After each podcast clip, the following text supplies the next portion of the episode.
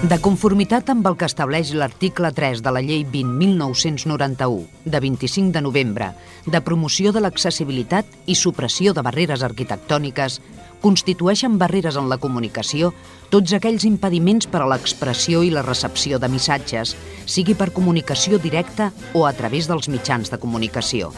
És per això que emparam-nos en aquesta llei, volem que cada ciutadà gaudeixi del seu propi espai per moure's, un espai sense censura, un espai en què vosaltres sigueu els protagonistes. En definitiva, un espai per tothom. Benvinguts a Espai Vital. Senyores, senyors, què tal, com estan? Bon dia, benvinguts, ben trobats un dia més a un programa més. És l'Espai Vital i vostès ja el coneixen. El Jordi Puy, el control tècnic i un servidor aquí davant del micro. I comencem amb 3, 2 o 1. Això és Espai Vital.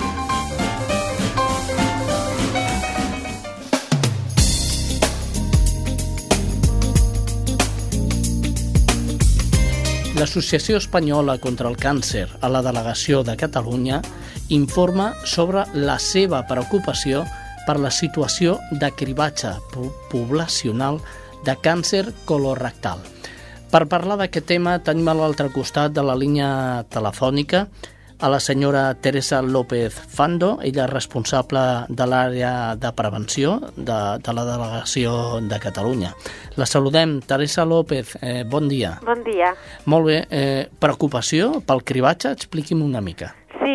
Veritat és que estem molt preocupats perquè estem en converses amb el Ministeri de Sanitat i Serveis Socials d'Igualtat perquè, bueno, eh, volem que s'inclogui la prova de de detecció precoç del càncer de colon dintre de la cartera de serveis, de manera que, que, sigui, que sigui un benefici per tota la població d'Espanya, de, no només de, de diferents comunitats autònomes que, que, han, que han impulsat aquest programa de manera independent a l'administració la, pública. No? El que volem fer és que el cribatge de colon volem que arribi a ser com el cribatge de càncer de mama, que, que, que arriba a tothom de manera indis, indiscriminada i que no per no pas per vivir en una comunitat autònoma o en una altra tens més recursos que, que les altres, no? Uh -huh. Em dius que eh, voleu que s'inclogui dins de la cartera de serveis uh -huh. de, de la sanitat pública, no? Exacte. Molt bé. Eh, què, què tenim a més de, de, a la cartera de serveis? Quin altre tipus de càncer està inclòs? A veure, el, el, els programes que estan inclosos de cribatges és el programa de mama que es, es continuarà fent, uh Mhm. -huh. com ja s'està fent, i després tenim tenim el, el programa de cribatge de coll d'úter, que és a través de les revisions ginecològiques i de la vacunació de les nenes eh, amb el tema de la, de la vacuna del, del virus del papiloma humà i en principi això és en, envers a, a la prevenció el que en principi s'inclourà dintre de la cartera de serveis. Eh. Tot i que encara està tot per definir, vull dir, estem en converses i encara no... El que, no, el que l'associació està lluitant és perquè el malalt oncològic no es vegi afectat per les, per les retallades en aquest sentit. I no és només el càncer d'úter o, o el càncer de colo, colorectal, eh, sinó que hi ha, segons deia el president del, o el director del programa de la Marató de TV3, que aquest any també Pel es fa càncer, pel càncer, eh, que hi havia més de 200 càncers eh, ara mateix. Mm.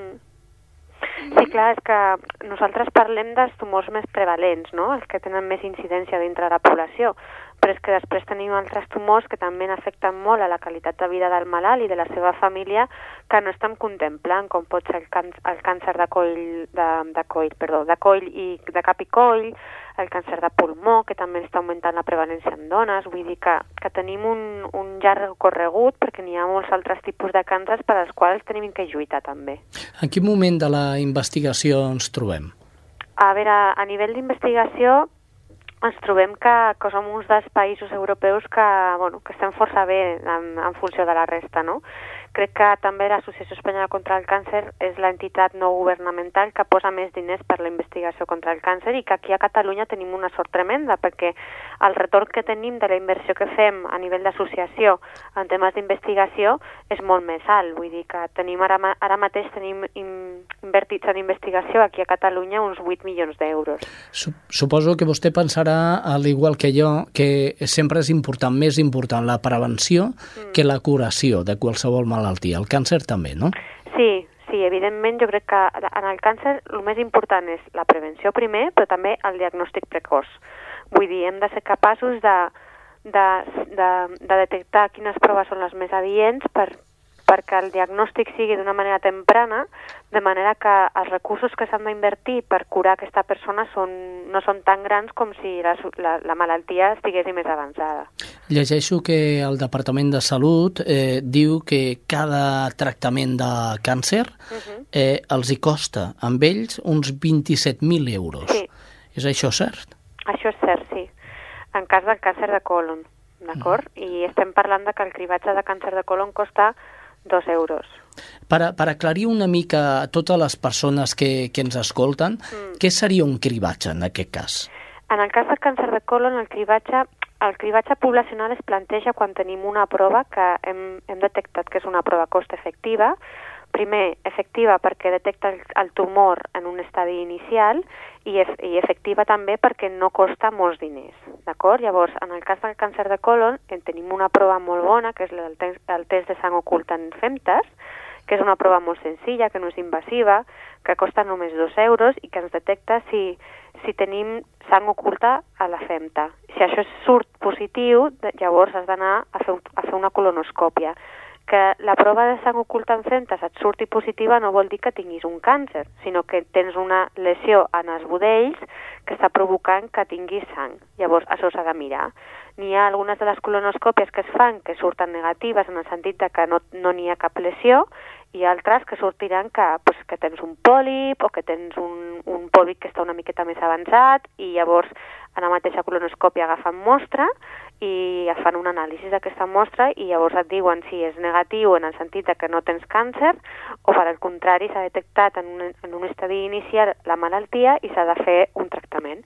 Quines són les senyals més immediates? Ho dic perquè la gent que ens escolta ara mateix mm. deu estar una mica collonida per això que estem dient, no? No, no s'han d'espantar, de, perquè, a veure, el càncer de colon sí que és veritat que té una sintomatologia que és molt inespecífica i que moltes vegades li, li traiem importància, com pot ser millor una mica de sang a la caca, que tots, tots podem pensar, bueno, pues és una hemorroide, no?, o una cosa així, o, o canvis en el tracte intestinal, de, de cop i volta pues, vas molt estrenyit, o per al contrari vas molt, molt, mm, vas molt sovint al, al, al lavabo, llavors són, són canvis molt inespecífics, però el que sí que és molt important, i per això la gent no s'ha d'espantar, és que tenim una finestra de 10 anys, des del moment en el que tenim una lesió, que és un pòlip, que és benigne, mm -hmm. fins que aquest pòlip es converteix en càncer tenim 10 anys, d'acord? Aproximadament. Mm -hmm. Llavors, és en aquests 10 anys en els que podem, a través del programa cribatge poblacional, trobar la malaltia i ser molt més eficients. Un altre càncer que en diríem punter mm. dintre de, de la família dels càncers mm. eh, i que ara mateix se n'estan detectant moltíssims mm. i que és el càncer de pròstata. Mm -hmm. Parlo amb homes, eh? Mm -hmm. Ahà. Eh, és el mateix cribatge? No, el cribatge de, de pròstata és a través de, de, un, de la PCA. I de fet no, té, no don cap més senyal que, que l'analítica, el Exacte. PSA, no? Sí. Val. Mm, en principi és a través de l'analítica, o sigui, una, una mostra de sang que, que et miren el nivell de PSA i en funció dels nivells pues, n'hi ha uns de risc i altres que no. I l'altre el de mama, que sí. últimament s'ha celebrat el Dia Mundial del sí. Càncer de mama. Uh mhm. -huh. Sí, la veritat és que el, el programa de cribatge de càncer de mama és l'exemple de com hem, com hem de fer les coses, no?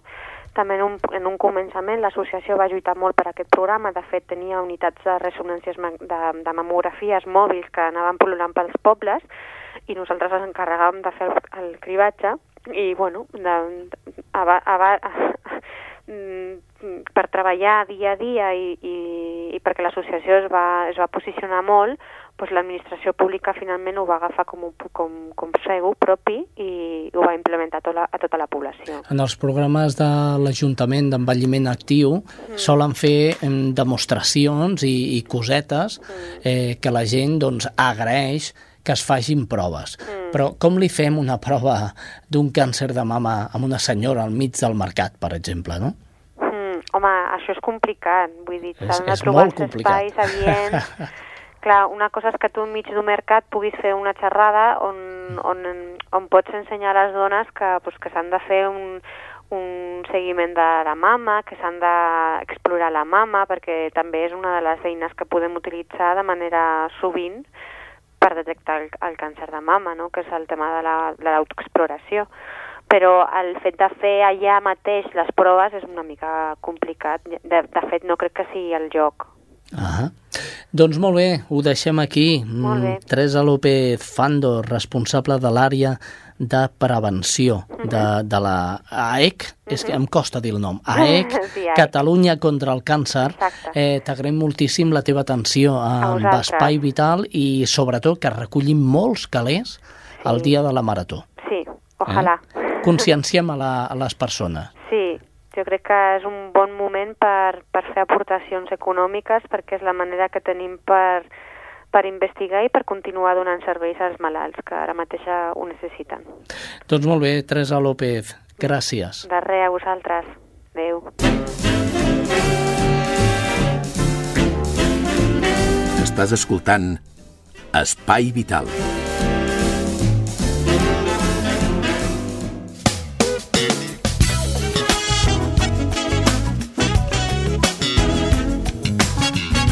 Les entitats no governamentals com Creu Roja engeguen, endeguen eh, campanyes per eh, acollir a les persones que passen fred al carrer. I fan una recollida, em sembla que és de material de roba, de mantes, de colxes, de, de coses. Bé, això, tot això ho teníem encapsulat amb una entrevista que Rosa Morante ha fet a Creu Roja, al Manolo Martínez. Escoltem-la.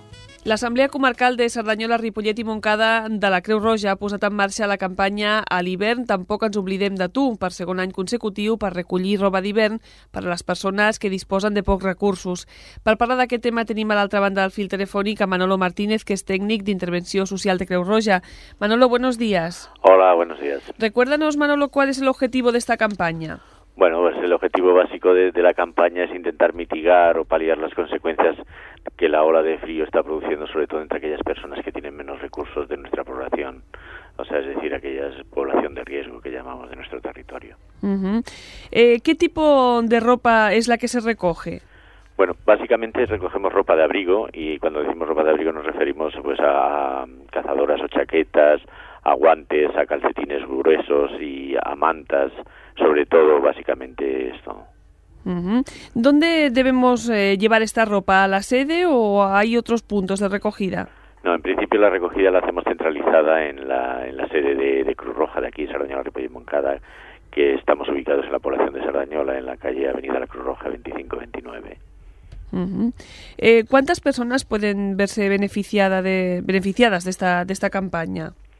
Bueno, la verdad es que nuestra intención es llegar al máximo posible y cuando me refiero al máximo posible de personas me refiero a un número importante, pero por norma y como teniendo como referencia la campaña que realizamos el año anterior, podemos hablar de unas 50, 60 personas que se benefician de, de estos recursos.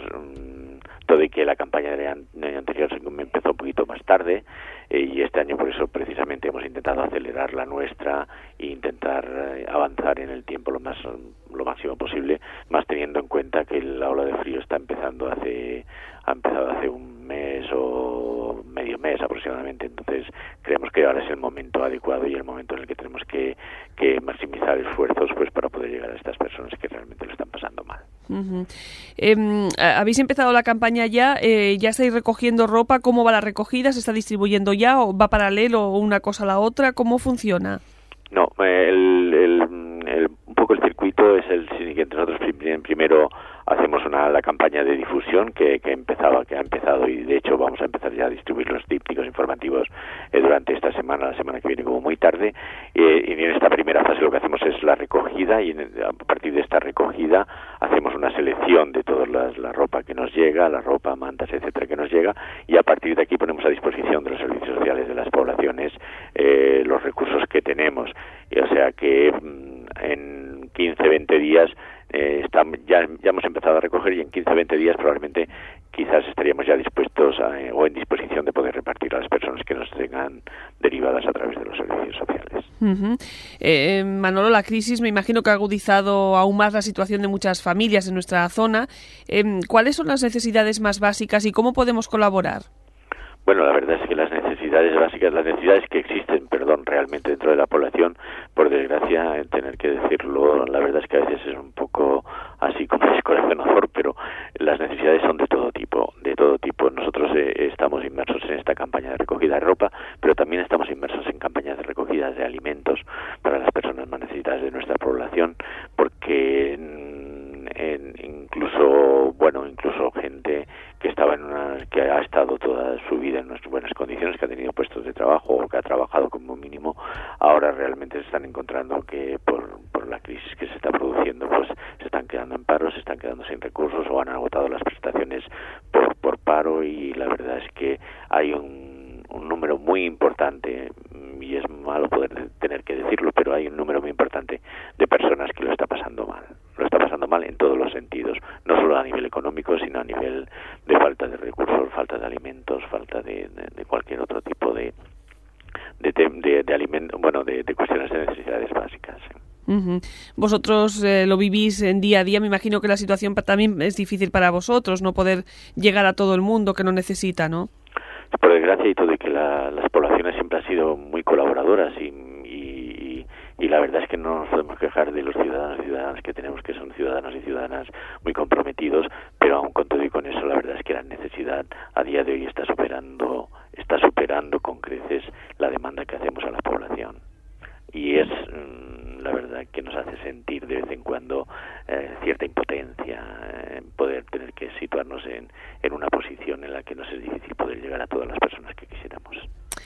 Pues Manolo, esperemos que con este tipo de campañas por lo menos eh, se pueda lograr ese objetivo, ¿no? De llegar al máximo de número de personas que, lo están pasando mal. Eh, Manolo Martínez, técnico de intervención social de la Cruz Roja de Sardañola Ripollet y Moncada, muchas gracias por atender esta llamada de Sardañola Radio. Muchas gracias a vosotros.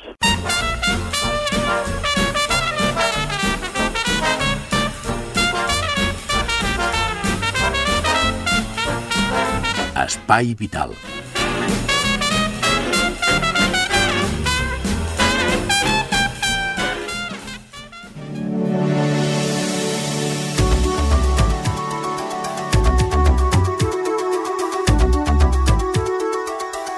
Doncs ja la senten. Aquesta és la sintonia corresponsals. Anem a fer la volta a la roda informativa per conèixer quines són les últimes novetats en quant a sanitat, en quant a solidaritat d'aquí, del Vallès Occidental.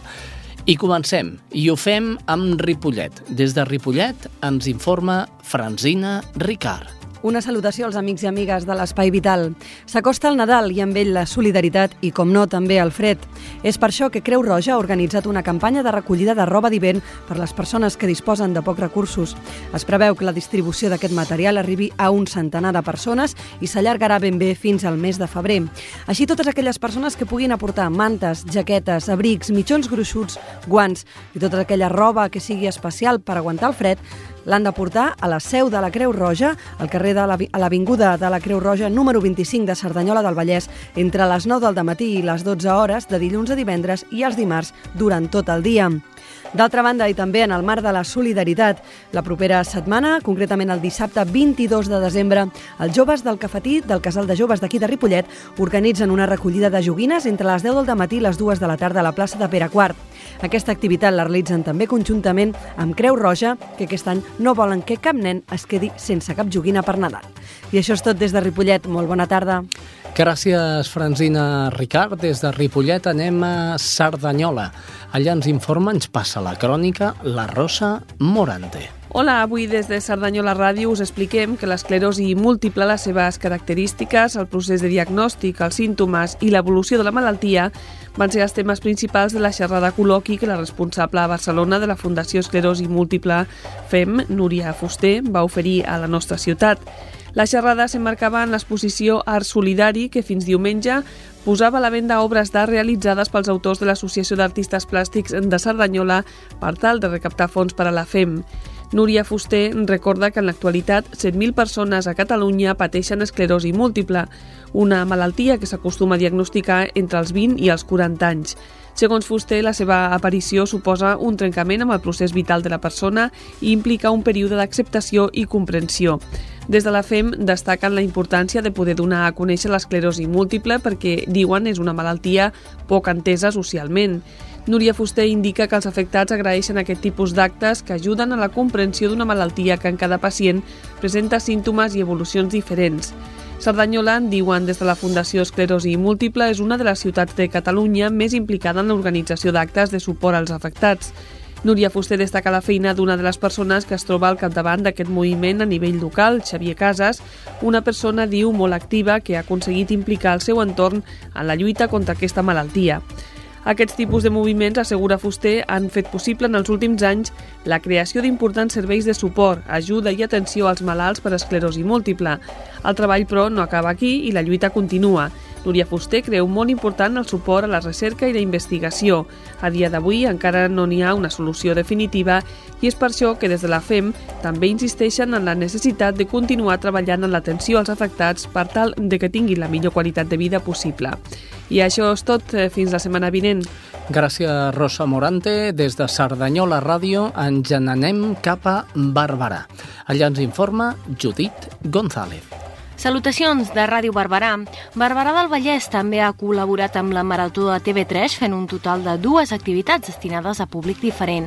Per una banda, la instal·lació esportiva municipal Maria Reverter va acollir una marató cycling per adults i per una altra una marató Fit Kids per nens i joves.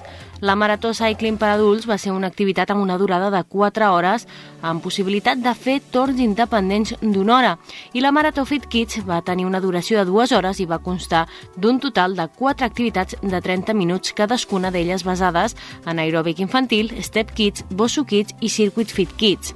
Per participar en dues activitats calia inscriure's i fer el pagament de l'activitat a la instal·lació esportiva municipal Maria Reverter. A més, hi havia la possibilitat de fer el donatiu el mateix dia de l'activitat. Fins la propera setmana. Gràcies, Judit González. A Barberà ens n'anem una mica més cap avall. Anem cap a Montcada. A Montcada Ràdio ens informa Laura Grau.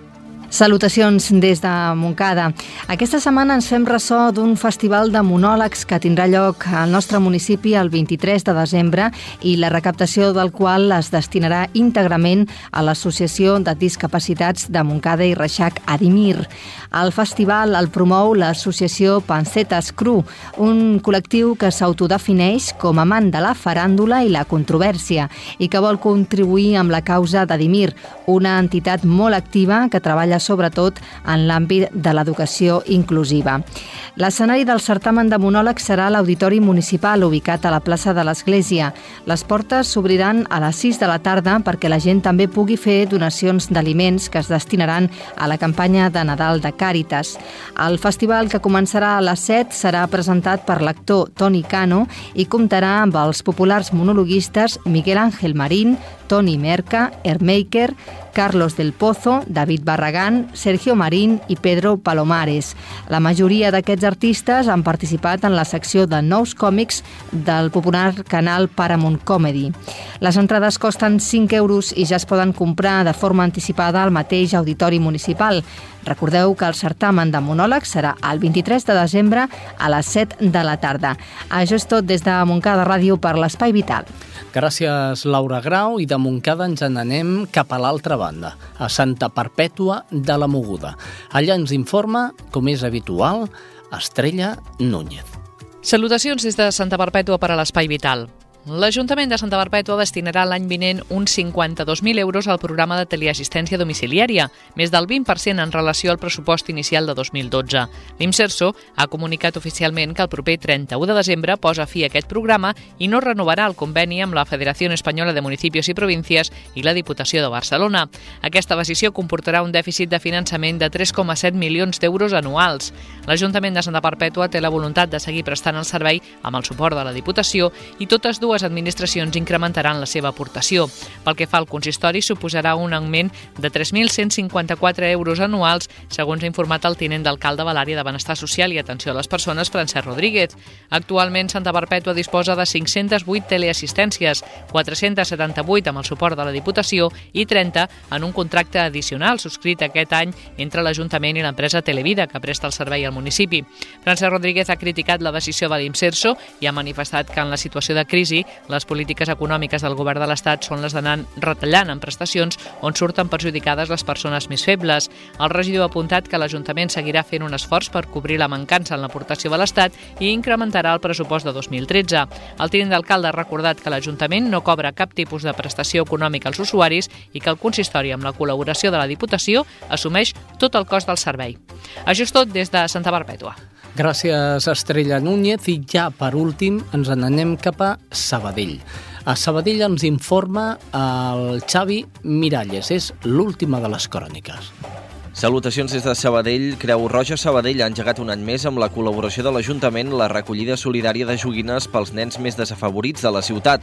Apropa'ns a la il·lusió, un gest, una joguina. Amb aquest lema s'ha batejat aquest any la campanya solidària de joguines de cara al Nadal.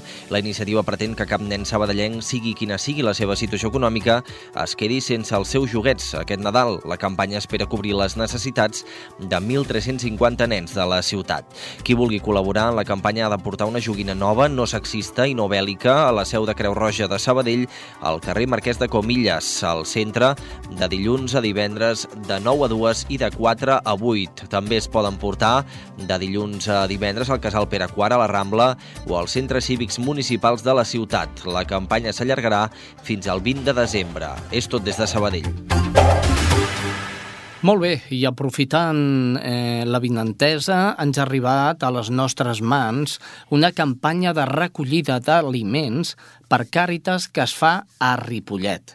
Eh, els punts de recollida són el dissabte 15 i 22 de desembre de 10 a les dues, a la paradeta de protecció civil, a la plaça Pere IV, el 17, del 17 al 21 de desembre, tot el dia a Ripollet Ràdio, a la Rambla Sant Jordi número 6, primera planta, i els productes que, que es demanen són envasats de llarga caducitat, com ara l'oli, llet, farina, llegums secs, tomàquet, pasta, cereals, llaunes de conserva de peix, etc.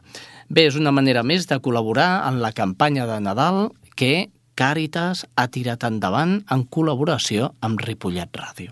Què passaria si mengessis només una vegada? Que al cap de poques hores començaries a sentir fatiga i mareig. Després et baixaria la pressió i la temperatura corporal. Et sentiries molt feble i perdries el coneixement. Què passa si dones sang només una vegada? Que al cap de pocs dies ens comencen a faltar glòbuls vermells. Després baixen les nostres reserves per fer transfusions. Tot seguit comencem a trobar que ens manquen plaquetes. Així no podem ajudar els malalts de càncer ni podem atendre emergències. Necessitem que tornis a donar sang, com tu necessites tornar a menjar. Amb una vegada no n'hi ha prou. Vine a donar. Banc de sang. Saps llegir? Ells no. Podem canviar-ho. Truca a Mans Unides 93 487 78 78. Units treballarem per a donar una educació completa als nens sense escolaritzar que hi ha al món. Mans Unides, 93 487 78 78. Això és Espai Vital.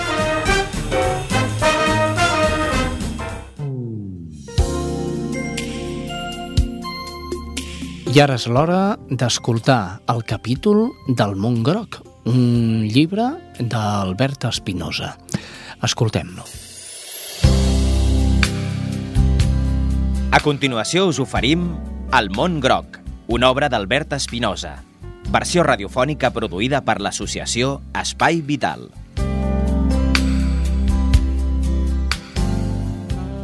Tercer descobriment. Les energies que apareixen al cap de 30 minuts són les que solucionen el problema. Molt sovint havíem d'anar a l'hospital a recollir els resultats de les proves – no hi ha cap moment de tanta tensió com quan tens a les mans el sobre d'un TAC o d'una radiografia. Durant 10 anys de la meva vida, aquella situació es va repetir moltes vegades. Et donaven les radiografies i el sobre amb els resultats i et repetien que no l'obrissis, que l'entreguessis al doctor. Normalment, entre la data del lliurament del sobre i la visita al metge, hi ha uns 15 dies. 15 dies són molts dies per tenir tancat aquell sobre que et podia revelar que el càncer havia tornat en forma de recidiva en algun punt del cos. En poques paraules, una recidiva es pot definir com tornar a tenir càncer. Tots els meus amics de l'hospital, absolutament tots, l'obrien. Era evident. Com poden pensar que tindràs tancada una cosa tan important durant dues setmanes? Últimament, assessoro als metges sobre com han de tractar els pacients i sempre els dic que això és el primer que haurien de canviar. Aquest procediment està massa desfasat. Ells sempre somriuen com si volguessin dir ja ho sabem que el sobriu. És com una mena de pacte no escrit. L'obriu, en llegiu el contingut, el torneu a tancar i nosaltres fem veure que no ens n'adonem. Sempre m'ha horroritzat aquesta mena de pactes. No entenc que tothom sàpiga coses i faci veure que no les sap. Em sembla un contrasentit. De tota manera, el problema no és el sobre tancat, sinó el que conté. La qüestió és com afrontar una notícia important, una notícia que et pot canviar la vida. A l'hospital em vam aprendre. Em van aprendre a base d'equivocar-nos, com passa amb gairebé totes les coses en aquesta vida. Al començament, obríem el sobre com bojos, a l'hospital mateix, dos minuts després d'haver-ho recollit. Recordo certes imatges al passadís. El pare, la mare i jo, inclinats damunt d'un full, llegint bé. La paraula exacta seria devorant el que hi deia. Al cap de poc temps, ens van adonar que no era una bona idea obrir-lo a l'hospital. Ho has de rebre o donar notícies en un lloc en què has estat o hauràs d'estar-te molt de temps. Això no és bo. Sempre s'ha de buscar un lloc neutre. Així, Obríem els sobres en restaurants, els que anaven per primera vegada, al mig de carrers desconeguts o al metro. Però continuàvem cometent un error. Des que ens donaven el sobre fins que l'obríem, mai no passaven més de 15 minuts. Sense saber-ho, buscaven restaurants, carrers i metros pròxims. Teníem una necessitat urgent de saber què deia, com si alguna cosa ens cremés per dins. Amb el temps, quan ja ens havíem lliurat 40 o 50 sobres, vam descobrir el mètode perfecte. No hi ha cap dubte. Fins i tot a l'hora de llegir diagnòstics mèdics es pot ser professional. Només cal repetir moltes vegades una mateixa acció i millorar-la fins que ja no sembli que la repeteixes. El mètode perfecte consistia a 1. Recollir el sobre tranquil·lament i guardar-lo i endur-te'l a casa sense fer-ne cas. 2. Esperar mitja hora exacta sense pensar-hi i sense dedicar-hi ni un segon. I quan hagués passat exactament aquella mitja hora, 3. Buscar un lloc tranquil i obrir-lo. Aquesta mitja hora és el temps que necessita el teu cos per tranquil·litzar-se i perquè la ment s'assereni. És com si desaparegués l'ansietat. I el millor és que quan reacciones, després d'haver llegit els resultats, aquells són mitja hora més vells. Són una notícia antiga i això els resta força i et dona poder. Sé que pot semblar estrany, per què mitja hora i no una hora? O per què no 10 minuts? Tan importants són aquests 30 minuts? Doncs sí. Crec que el fet d'haver rebut tantes notícies importants m'ha fet descobrir que al cos hi ha alguna cosa que les vol saber de seguida. I això és el que ens encega. És com una passió que al cap de 30 minuts desapareix i activa unes altres energies que volen saber què passa, però que són capaces de trobar-hi una solució. Són una ànsia amb un objectiu diferent, una ànsia que lluita, una ànsia que crea solucions. Quan vaig deixar l'hospital, vaig pensar que no tornaria a trobar disjuntives tan intenses com les que em plantejaven els sobres de radiografies. I naturalment va ser així. Però he trobat la manera d'adaptar la meva teoria dels 30 minuts. Molt sovint rebo un correu electrònic i sé que és important. Veig com entra la bústia. Però no l'obro. Me'l miro. Encara està en negreta. I no l'obro. Espero 30 minuts, em relaxo, deixo que l'ànsia canvi i després l'obro. És genial, funciona. A més, rebis el que rebis, tant si són notícies bones com si són notícies dolentes, has deixat passar mitja hora i la teva resposta no és precipitada. No és el fruit d'una reacció poc meditada, Sembla com si haguessis trigat mitja hora a decidir què escriure. I amb els missatges de mòbil passa el mateix, i amb moltes coses més. Aquest descobriment també és útil per a les converses amb altres persones, sobretot pel que fa a la tria del lloc i el moment per parlar amb algú. Continuo fent servir la regla dels 30 minuts i he de confessar que de vegades fins i tot l'allargo fins a 40 o 43 minuts. És com dilatar el temps, com ser l'amo de les teves respostes i de la teva ànsia.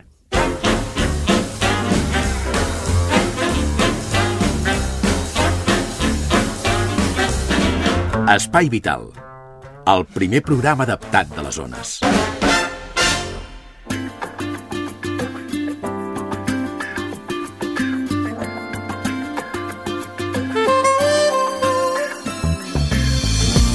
Alumnes de l'escola Tau de Sant Cugat participen a Los peces no se mojan, el primer curs d'animació creat amb nens i amb nenes amb síndrome de Down i no. Per parlar d'aquest tema tenim a l'altre costat de la línia telefònica el director d'aquest centre, el senyor Ricard Bahí. Senyor Bahí, bon dia.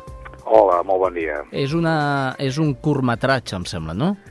Sí, sí, de fet, a, a veure, eh, de fet, és un curtmetratge, és un conte que tant els, tots els, els nois i noies eh, de, de síndrome de Down i de no, que no, que no el tenen, van, eh, fer, van participar en tot el procés, eh, des del tema de el fer, fer-ne el guió, de, de fer la, la part de, de participar en la part d'il·lustració, fins i tot el moment de, de crear, diguéssim, el que seria la banda sonora i la banda, la banda musical, i, i bé, és, és un conte, és un conte breu, però el que penso que és molt interessant, també hi ha un making-of, és a dir, tot el procés eh, que van seguir, eh, que van seguir per arribar al, al resultat final. Eh, ha estat un procés de dos anys, eh, de dos, dos cursos sencers. És a dir, l'experiència va començar fa justament dos anys i es anaven trobant de forma periòdica i anaven, i anaven avançant. Eh, alumnes de, de quina edat? Estem parlant... Bé, a veure, van, van, en aquest moment ja tenen 12-13 anys, però doncs així van començar amb 10 anys. 10-11 anys van començar. 10-11 anys, i a més han compartit també eh, amb nois eh, amb discapacitat, no? Exactament. De fet, va ser molt interessant el projecte perquè ja d'entrada, des, de, des del moment en què d'alguna es van conèixer, eh, i se'ls va plantejar aquesta idea de crear un conte que d'alguna manera es pogués fer-ne l'animació i es pogués fer tot el que us comentava abans, i es van treballar per parelles, és a dir, un noi amb el síndrome de Down i un altre que no el tingués. I la, veritat és que va ser un treball amb molta riquesa, molta riquesa mútua eh, de les aportacions que es feien uns i altres. Eh, la veritat, un treball interessant, interessant perquè sí. Eh, com us heu sentit treballant amb nois amb discapacitat?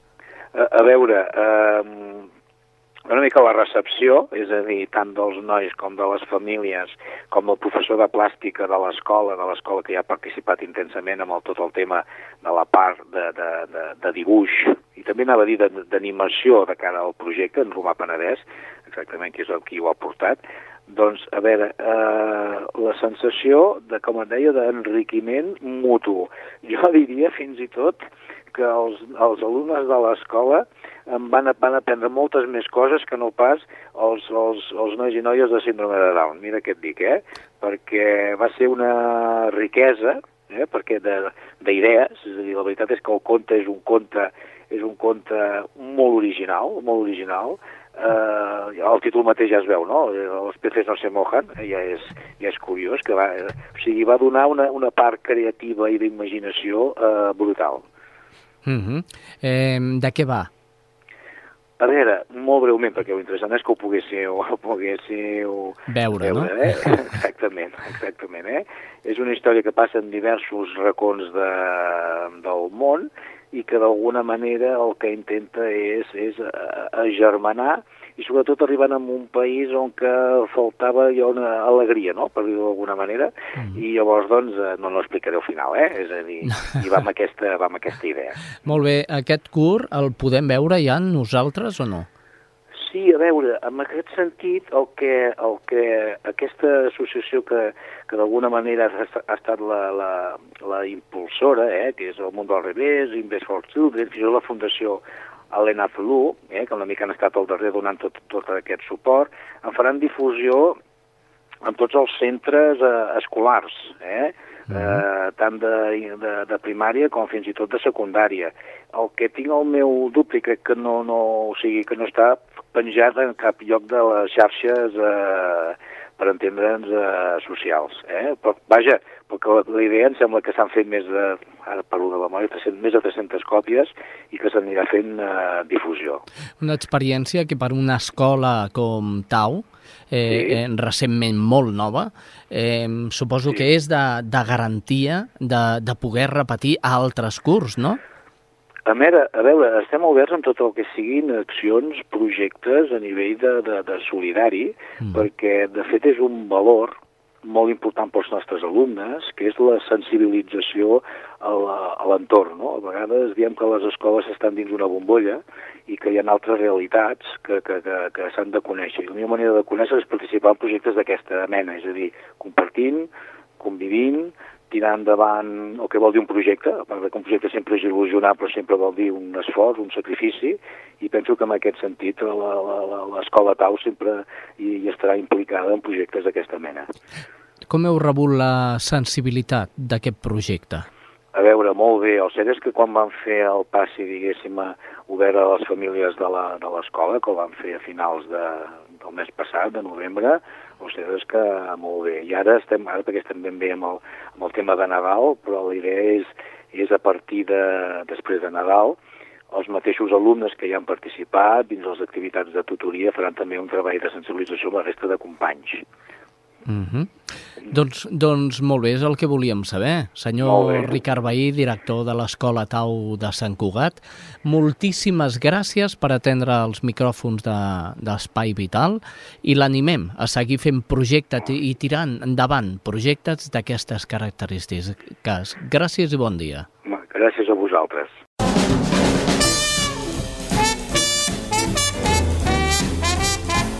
Estàs escoltant Espai Vital. Molt bé, és el moment d'escoltar la cuina de Conxita Naudi, que em sembla que va de menjar de Nadal. Escolteu-la. Hola, amics. Avui us faré una recepta ja de cara a Nadal. Mireu, us faré espatlla o cuixa de xai.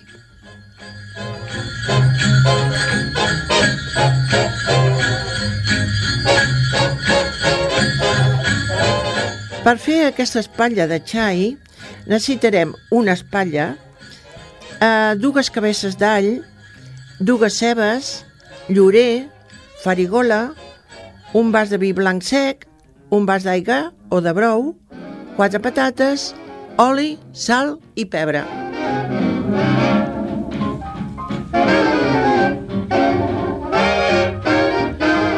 Mireu, per la preparació, el primer de tot és que posarem el forn a 200 graus. Així ja el tindrem calent. Posarem el xai en una platera d'enfornar i el salpebrem. També el fregarem amb uns grans d'all pelats. L'untarem amb llarg, oli o bé mantega. Això amb els alls li donarà molt bon gust i l'amanirem amb un bon raig d'oli. L'aigua del brou i el got de vi. Quan el forn sigui ben calent, posarem el xai i quan comenci a enrossir, abaixarem la temperatura fins a 170 graus. Aquest cop de calor haurà fet una crosta i això impedeix que la carn tregui sucs. Anirem coent a poc a poc i el deixem rostir durant una hora i mitja, més o menys. El xai l'anirem girant perquè es dori per tots dos costats. Quan la carn comenci a enrossir, hi pots afegir l'altra cabeça d'alls, les cebes, la farigola i una fulla de llaurer. Això durant la cocció. I perquè no ressequi, hi has d'anar tirant suquet per sobre. Si cal, hi poses una mica més d'aigua o de brou. Ha de quedar rossa, cuita i molt tova. A part, per acompanyar el xai, hi pots posar unes patates fregides amb uns grans d'all o també una mica de poma arrebossada, que també queda molt bo. Bé, aquest plat us el desitjo que el pugueu fer per Nadal. Uh, us felicito les festes a tots, que tingueu bon Nadal i que tinguem una bona entrada d'any amb força salut i alegria. Adéu-siau.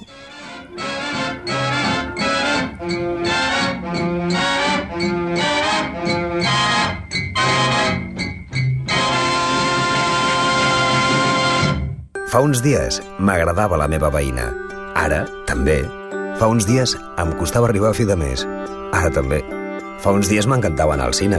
Ara també. Fa uns dies em van diagnosticar un trastorn bipolar. Fa un segon, jo era la mateixa persona que ara, però tu potser ja no em veus igual. Per la salut mental, no a la discriminació. Sí a les persones. Obertament.org He tenido muy poca autoestima, muchas inseguridades y sigo sintiéndome poquita cosa al lado de los demás. Soc Mercè, afectada de psoriasi i membre d'Acció Psoriasi. Si vols conèixer el veritable impacte de la psoriasi, una malaltia que va més enllà de la pell, et convido que visitis enprimerplano.org.